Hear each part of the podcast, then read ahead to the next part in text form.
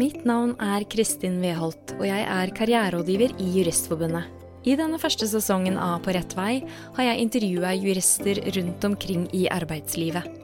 Hvilke karrieremuligheter fins egentlig der ute for deg som er jurist? I dagens episode snakker jeg med Frida Foss Tvedt. Frida er en ung rådgiver i rettsavdelingen i Utenriksdepartementet, og kom inn gjennom UDs aspirantkurs. Hun har annet jobbet tre år ved den norske ambassaden i Yangon, Myanmar. Jeg ville snakke med Frida om hvordan man forbereder seg på å flytte og jobbe i en helt ny kultur. Og hva er egentlig arbeidsoppgavene ved ambassaden når en pandemi bryter ut i et land som har vesentlig færre ressurser enn vi har i Norge, og det attpåtil kommer et militærkupp?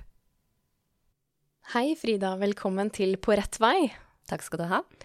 Jeg er veldig glad for at du takka ja til å være med på podkasten vår. Det er mange av medlemmene våre som er nysgjerrig på hvordan det er å jobbe i Utenriksdepartementet, så da er det veldig fint å ha med deg. Før vi begynner å dykke ned i den jobben du har i dag, så vil jeg gjerne høre, eh, ved å ta et skritt tilbake, hva var det som gjorde at du hadde lyst til å studere juss? Ja, det er, et, det er et godt spørsmål. Um, jeg hadde gått på folkehøyskole etter, eh, etter, videregående, som var veldig, veldig spennende. Um, og der lærte jeg en del om uh, global rettferdighet. Jeg lurte på om jeg skulle studere Latin-Amerika-studier. Uh, jeg trodde at uh, jussen var noe for de veldig boksmarte, ikke noe for meg. Men samtidig så skjønte jeg at det kunne åpne veldig mange dører. Så jeg bestemte meg for å gi det et uh, forsøk. Jeg hadde allerede søkt meg inn på, på andre ting på uh, vårsemesteret, sånn at jeg kunne hoppe av hvis det ikke matcha. Men så viste det seg å være kjempegøy, og, og, jeg fortsatte. Så bra.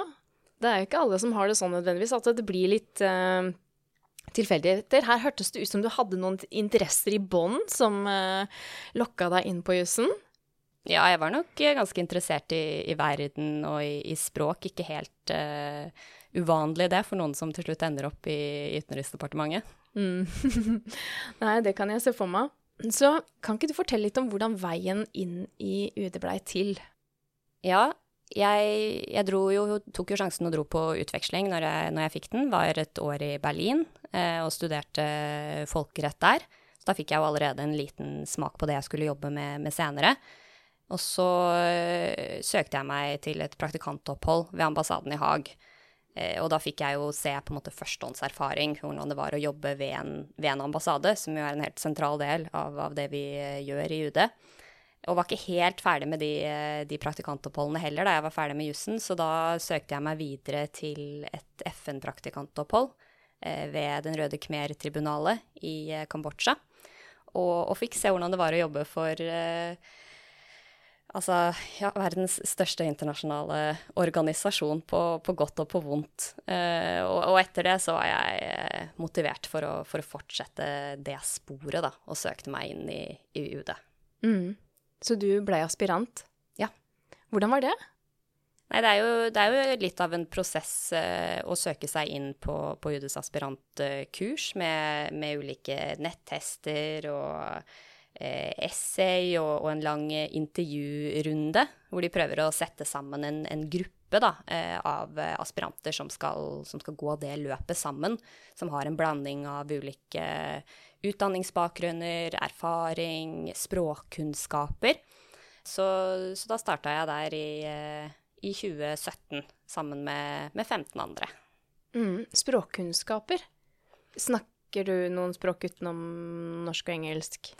Eh, ja, eh, skal ikke være for, eh, for ambisiøs her, men, men, jeg kan jo i teorien en del tysk fra, fra utveksling. Ja. Og så har jeg fått lære fransk mens jeg har vært i UD. Eh, for en del av aspirantkurset er at man skal få eh, språkopplæring, da, altså når man kan, eh, faktisk kan jobbe på et uh, annet språk enn en norsk og engelsk. Så da får man én-til-én-undervisning uh, med dyktige språklærere, uh, og det har vært helt, helt fantastisk. Å ja, det hørtes kjempegøy ut. Mm. ja. Så etter den perioden i, som aspirant, da, mm. så blei du ansatt. Eller er du kanskje ansatt som aspirant? Ja, man, eh, man, er vel midlertidig eh, ansatt i en periode eh, på, på, tre år, og så får man fast ansettelse da, etter at man har vært to år i Oslo og ett år ved sin første utenriksstasjon. Mm. Så i dag, så Hva er stillingen din da? I dag så er jeg rådgiver i, i Utenriksdepartementet, eh, men da på en måte med en bakgrunn som, hva skal man si, som aspirant, og har gått aspirantkurset. Men i dag så jobber jeg i rettsavdelingen i UD som jurist, så jeg er jo på en måte både litt generalist og spesialist, da, som er to uttrykk vi, vi pleier å bruke om oss selv i, i UD. Jeg kan si litt mer om det. Hva, hva er generalisten, eller Ja, så generalisten er jo ofte, ser man jo ofte på de som har gått aspirantkurset, da. Som er eh, hele den pakka som UD har for, for opplæring, er jo at man skal kunne jobbe med mye forskjellig i løpet av sin eh, UD-karriere, da. Så jeg eksempel, eh, da jeg var aspirant i eh, de første årene i UD, jobba både i rettsavdelingen, men også på såkalt landdesk da, for Myanmar, og litt med FN. Eh, og det er veldig mange i UD som jobber med utrolig mye forskjellig eh, i løpet av, av, sin karriere. Og så har du andre som kanskje er mer spesialisert da, innenfor et fagfelt. F.eks. Eh, jurister som ikke har gått aspirantkurset, men som er eh, eksternt rekruttert direkte inn i en spesialiststilling, om det er innenfor internasjonal eh, strafferett eller annen folkerett eller EØS, EU-rett f.eks. Mm, ok. Så i den rådgiverstillingen du har i dag, hva er de viktigste oppgavene dine? Hva går jobben ut på? Ja, akkurat nå så jobber jeg med eh, sanksjonene mot Russland, og med ansvarliggjøring også mye eh, Ukraina-Russland. Så det er ganske mye eh, forskjellig som kan gå inn i det. Når det kommer til sanksjonene, så er det alt fra gjennomføring av sanksjonene i, i norsk rett og rådgivning om det regelverket, og på begge porteføljene så er det forberedelse av politiske beslutninger, det er um, forberedelse av taler, f.eks., materiale til politikerne, forberedelse av møter, svar til media. Veldig mye forskjellig, stort og smått, i løpet av, uh, av en dag. Ja, så bruker du jussen aktivt i det? Ja, det vil jeg absolutt si. Det er mye, mye folkerett Eh, også noe forvaltningsrett. Vi har bl.a. fått mye innsynsbegjæringer eh, i det siste, så da er det mye offentlig lova. Ok, ja, Så det er de rettsområdene du jobber mest med? Ja, det vil jeg si. Mm. Så jeg tenker jo jussen er jo den mest åpenbare faglige kompetansen du har, eh, i og med at du er jurist. Så det kan jo hende at det er noen andre faglige kompetanser du bruker mye også. Hva kan det være? Vi har jo vært inne på språk, da. Det, ja. Engelsk har jeg jo til tider brukt veldig mye i jobben, og, og, det er jo andre i UD som også i veldig stor grad bruker andre eh, språk. Kjempeviktig å, å, få rekruttert folk, eh, særlig som har sant, eh, russisk og kinesisk, arabisk eh, språk. Det har ikke jeg, dessverre, men heldigvis andre. Og så er det jo en del en måte, personlige egenskaper som, som, eh, som er viktige. I jussen er jo liksom presisjon da, i, i, språket veldig, veldig viktig. Det kjenner sikkert mange jurister seg igjen i. Og så tror jeg jo at man må finne det er, ganske, det er, en hektisk arbeidshverdag i UD, som mange andre steder, og, og man må lære seg å finne en måte å, å balansere det å være grundig med det å liksom være effektiv nok, da. Finne den, finne den balansen. Det er, det er dessverre ikke sånn at vi har tid til å utrede ethvert spørsmål i, i dybden. Eh, ofte skal leveranser skje ganske raskt, eh, så da må man finne den, eh, den gylne middelvei, da. Mm.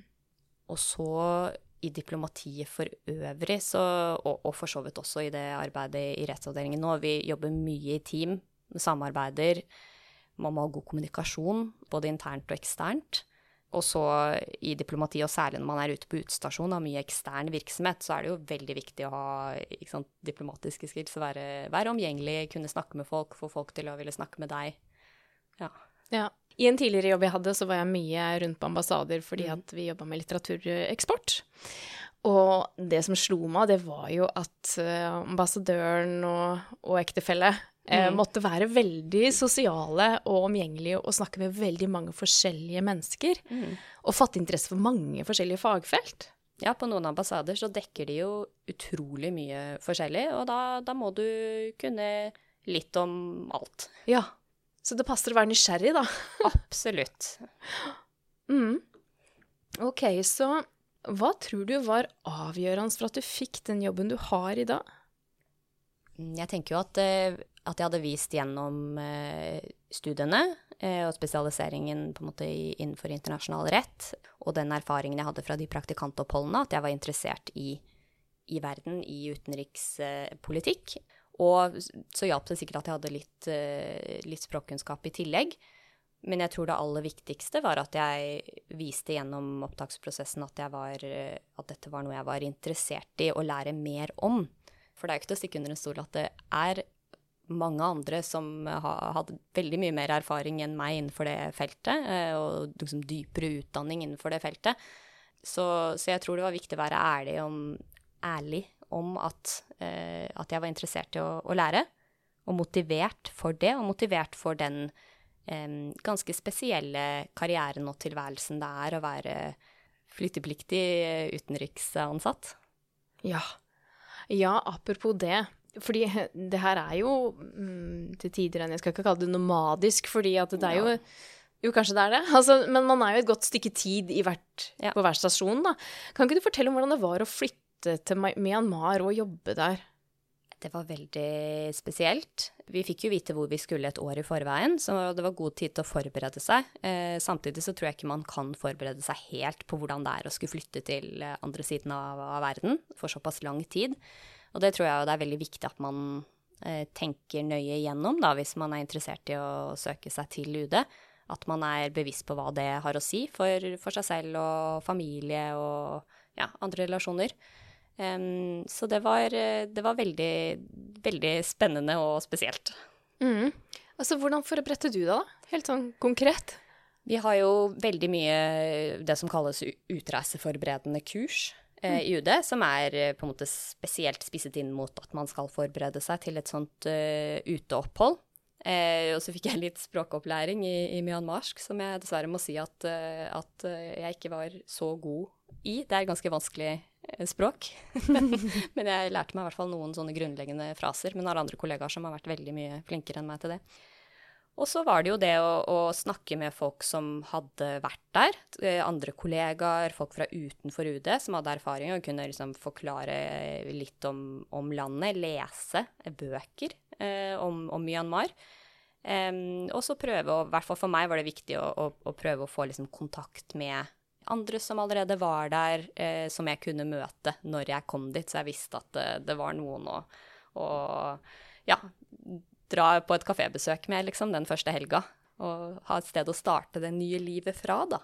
Ja, fordi du, Kjente du noen der fra før? Jeg hadde jo møtt en del av kollegaene på ambassaden, så det var jo veldig trygt. Og i, i Myanmar så er, er den norske ambassaden samlokalisert med de andre nordiske. Så der, eh, der, var det jo veldig mange eh, kollegaer, inkludert flere, flere, unge kollegaer, som ble noen av mine beste venner mens jeg var der. Så det føltes ganske raskt, eh, relativt trygt og fint. Men det er jo alltid veldig, veldig spennende i starten. Mm. Ja, jøss, det må være kjempespennende. Kan man velge hvor man reiser? De, når man er, skal på sin første stasjon, så blir man plassert eh, AKR, eller HR, eh, som det heter. Eh, kompetanse og rekruttering i UD, KR. Men eh, etter det så søker man selv. Så da har man jo eh, en innvirkning på hvor man skal, og når man skal ut. Mm. Men jeg tenker at det også er en ganske stor omstilling å komme hjem igjen. Altså hvis du har vært i en veldig annerledes kultur, eh, er det noe spesielt ved det å komme hjem du tenker er viktig at de som er nysgjerrig på UD-jobb, bør vite om? Jeg tenker det varierer jo sikkert litt avhengig av hva slags livssituasjon man er i. For meg var det veldig sånn trygt og fint å komme hjem. Jeg hadde hatt, eh, holdt veldig tett kontakt med, med, venner og familie mens jeg var ute, så det føltes på en måte bare som å gå inn i noe veldig sånn kjent.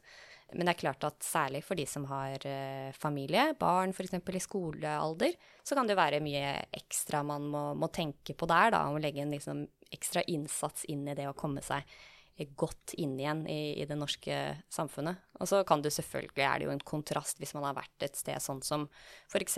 Myanmar, da, hvor, hvor, ting ikke sto så bra til, eh, og skulle komme hjem igjen til et samfunn hvor, hvor, ting stort sett går på skinner, og mange problemer er relativt små til, i sammenligning. Eh, så det, det, var jo også litt spesielt. Ja, jeg vil jo tro at du får noen, noen nye perspektiver på tilværelsen Mm. når du ser andre kulturer som er så forskjellige fra oss. Ja. Mm. Og ikke minst et uh, land som Myanmar, som jo tross alt var liksom gjennom to store kriser mens jeg var der. Ja. Så først uh, Jeg var der i fem måneder før covid uh, kom til Myanmar. Og, og det alle som var på utstasjoner, og alle som var hvor som helst i verden, opplevde jo det på, på ulike måter. Men i Myanmar så var de ganske de var ganske strenge med, med karantener eh, og testing osv. Og, så og det gikk utover eh, Altså, de har jo ikke et helsesystem som kan sammenlignes med, med vårt, så det gikk veldig hardt utover eh, befolkningen. Veldig mange av, av mine lokale kollegaer møtt, mistet familiemedlemmer, f.eks., og, og folk sto i lange køer utenfor sykehus for å få tak i oksygen. Det var ganske dramatisk. Og akkurat da det liksom så ut til å roe seg litt, da, og vi skulle tilbake på kontoret osv., så, videre, så tok militæret makten i et uh, militærkupp. Oi. Så det var, det var dramatisk. Ja. Er, er, er, var du redd? Eh, ja, det, det vil jeg jo si at jeg var til tider. Um, det var uh, Det er lett å se tilbake nå og tenke at det gikk jo tross alt ganske greit. Og, og vi som vestlige diplomater var på ingen måte et, uh, et mål, f.eks., for, eksempel, for, for noen. Men, men, det er klart at uh, bare det å ha en veldig stor måte, militær tilstedeværelse i, i, gatene med våpen, er jo ikke noe man, som de mener i nordmann, er spesielt vant til. Um, og det var jo perioder hvor det var kamper i, altså væpnede kamper i gatene mellom militære og demonstranter, og etter hvert også litt sånn hva skal man si, geriljavirksomhet fra, fra demokratibevegelsen. Så, så, det var til tider skremmende, men, men, først og fremst veldig eh, trist å være til stede og se at et land som hadde på en måte hatt en viss demokratisk fremgang da, i løpet av det siste tiåret, som man hadde veldig store håp for, og, og man kunne merke på befolkningen at man hadde håpet at det skulle gå i riktig retning, hvordan alt det snudde over natten, eh, og veldig mange måtte gå i dekning, gå i eksil, samfunnet på en måte knelet, og, og det ble ganske vanskelig å, å se noe på en måte vei mot, mot demokratiet igjen, da. Så det var jo veldig, veldig leit. Wow. Ja, det, er, det, det, jeg, det kan jeg ikke le, jeg kan leve meg inn i. Altså, hvordan det må være Nei. å se det på kloss hold. Altså, hva var oppgavene dine mens du var i Myanmar? Hva, hva, gjorde du da? Veldig mye handlet jo om å holde på en måte ambassaden gående. Så, så mye sant, sikkerhet og administrasjon. Og så Jeg dekket jo særlig Eh, den humanitære situasjonen og, og menneskerettigheter. Og da gjaldt det jo å forsøke å kartlegge behovene. Det ble jo væpnede kamper rundt om i, i, store deler av landet, og mange internt fordrevne. Og da ble det jo større behov for humanitær støtte rundt omkring i landet, samtidig som, som militæret hadde et ganske ikke tillot humanitær, tillot humanitære organisasjoner å reise hvor de ønsket. Og samtidig så bygget det seg opp en veldig mm, sterk og ambisiøs eh, demokratibevegelse, en motstand mot uh, kuppet. Både blant uh, folk som, altså vanlige folk som jobbet og som streiket i jobbene sine, om det var i utdanningssystemet eller helsesystemet.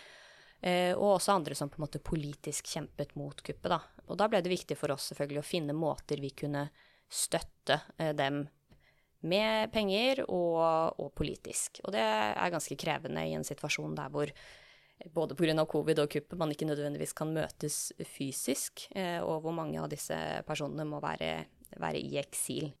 Ja. Wow. Ja, der fikk du bryne, da. ja, helt klart. Det ble, det ble, litt annerledes enn jeg hadde sett, sett for meg. Men håper jeg, desto viktigere da, selvfølgelig å være der og få muligheten til å bidra i en sånn situasjon. Jøss, for en erf erfaring, tenker jeg. Ja. Ja. Det, det, er noe, det, er noe, annet enn å sitte på kontoret på Victoria terrasse. ja. ja, altså Og med det så tenker jeg sånn Hva liker du best ved jobben din?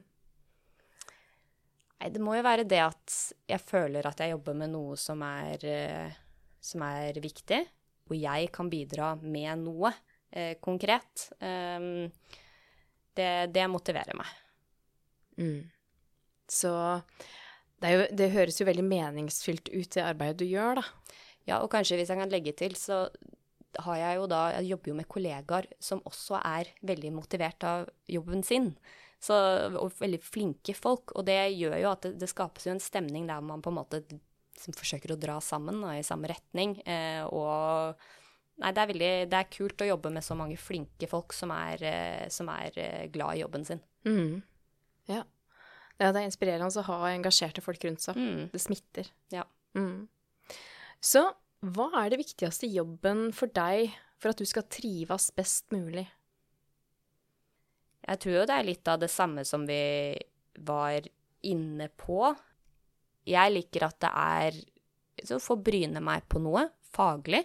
Um, og derfor syns jeg jobben min nå uh, i rettsavdelingen er veldig spennende. For der er det komplekse og utfordrende juridiske problemstillinger hvor jeg, jeg føler at jeg får brukt den utdanningen min eh, daglig. Og, og, så er det jo det arbeidsmiljøet, da, som jeg, som jeg nevnte. At det er dyktige folk uh, rundt meg, da, både sjefer og kollegaer, og som man kan som man kan kaste ball med. Og, og selv om folk er, har en travel arbeidshverdag, så er det alltid på en måte rom da, for de faglige diskusjonene. Mm.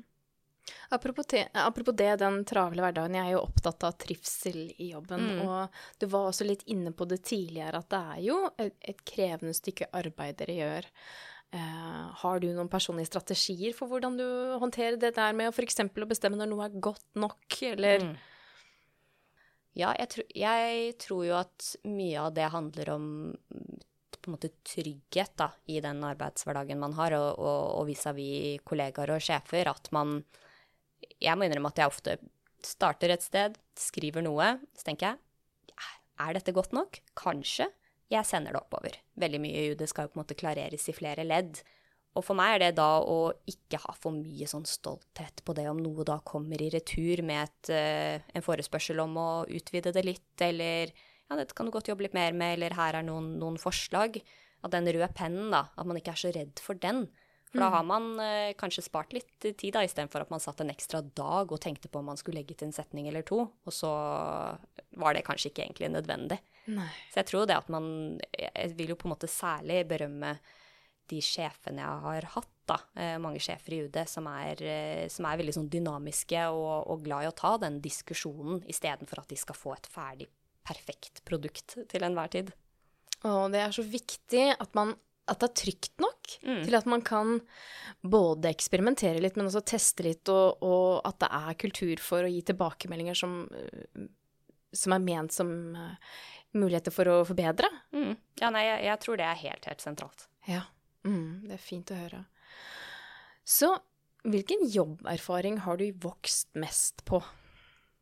Og da tenker jeg ikke nødvendigvis bare Altså helt, helt, gjennom all den arbeidserfaringen du har, for du har jo mye fra flere utland, holdt jeg på å si. ja, det er et godt spørsmål. Det er jo på en måte Det er jo pakka, da. Men, men samtidig så tror jeg at den tiden i Myanmar var var ekstra spesiell, og særlig etter, etter militærkuppet, hvor man på en måte ble utfordra både personlig, men også, også, faglig på det å prøve å finne gode løsninger og jobbe under et, et helt annet type press da, enn jeg var vant til uh, hjemme i Oslo. Ja. Hvis du skulle prøve å oppsummere, hva var det viktigste du lærte om deg sjøl? Oi. Jeg tror jo at jeg lærte at jeg på et sett og vis fungerer under et sånn type press. Det tror jeg ikke Og i en sånn, sånn situasjon, det tror jeg kanskje ikke jeg hadde sett for meg på forhånd. Jeg, det var jo ikke noe jeg Det, det fins de i UD som søker seg til sånne type stillinger, eh, vel vitende om hva det innebærer. Og det visste jo ikke jeg at, at uh, utstasjoneringen i Yangon kom til å bli. Så, så jeg lærte jo at det, det fungerte det er mye læring i sånne situasjoner hvor man er under press, og hvor man må improvisere, og det skjer noe uforutsett. Fortell om en gang da du følte at du virkelig gjorde en forskjell i jobben din. Jeg tror jo da at jeg må tilbake til, til Myanmar igjen mm. eh, etter militærkuppet. Eh, og det at vi da sammen på ambassaden og i samarbeid med, med kollegaer i Oslo, New York osv. på en måte fortsatt å være der, klarte å sørge for å eh, få penger til de aktørene som kunne hjelpe til på bakken i en veldig kritisk uh, situasjon, og fortsette å engasjere oss for, for demokratiet i, Myanmar, for å hjelpe de som var i en krevende humanitær situasjon uh, osv. Det, det, er mye, det er mye viktig arbeid som er gjort i andre andre stillinger, og som gjøres i andre stillinger også i UD. Men, men, så langt i min karriere, da, så føler jeg jo kanskje at det er der det virkelig har eh, knepet, da. Og, og, har føltes veldig nyttig å være i den jobben. Mm. Du vet at du har med noe viktig å gjøre når du snakker om å liksom, jobbe for demokratiet. Ja, det er veldig, det er veldig sånn eh, sentralt, kan du si. Ja, humanitære ting. Altså, det, det, det, er, det er viktig. Hva vet du nå som jurist?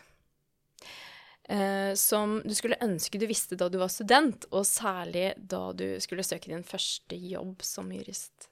Ja Jeg var jo litt inne på det på starten, at jeg var bekymret for at på en måte jusstudiet ikke, ikke var noe for meg. At det var for mye sant, lesing og pugging. Og, og til en viss grad så, så var det jo det. Jeg hadde nok en følelse da jeg studerte av at Oi, alt dette her skal jeg lære, og jeg skal kunne det, sånn at jeg kan bruke det i, i jobben.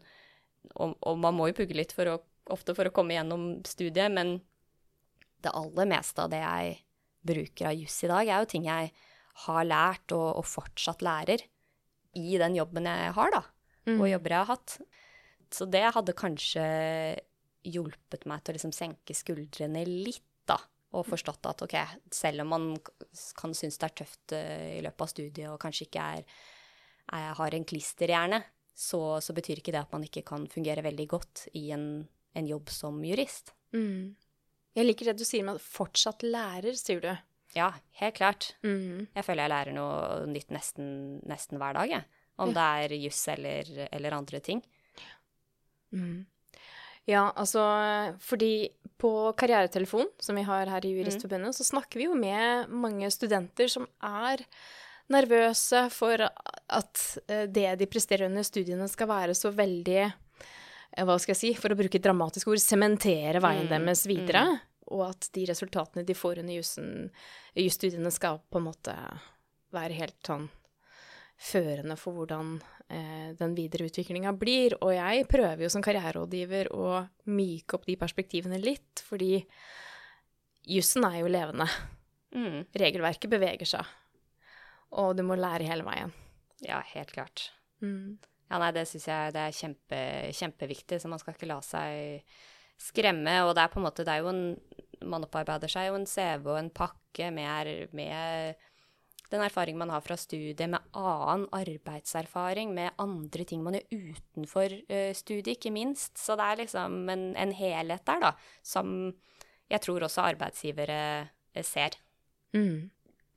Hvilket spørsmål skulle du ønske at jeg hadde stilt? Oi.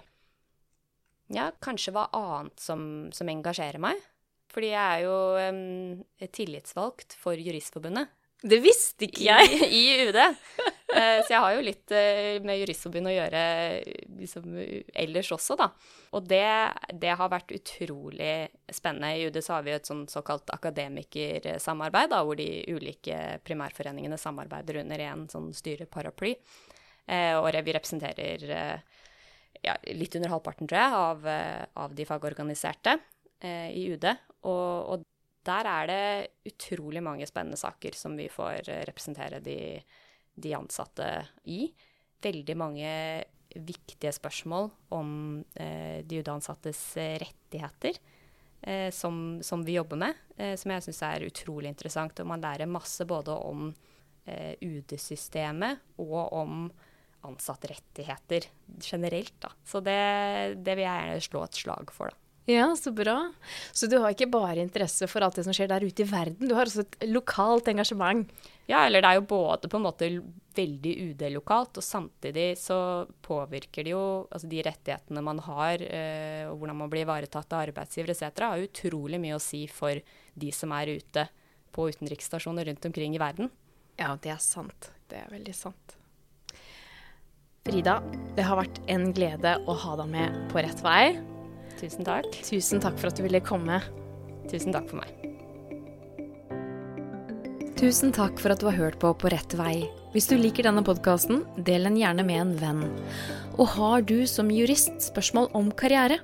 Sjekk ut karrieretjenestene våre på juristforbundet.no. For medlemmene våre tilbyr vi gratis karriererådgivning og digitale karrierekurs. Du kan også følge Juristforbundet på sosiale medier som LinkedIn, Instagram og Facebook. Vi høres!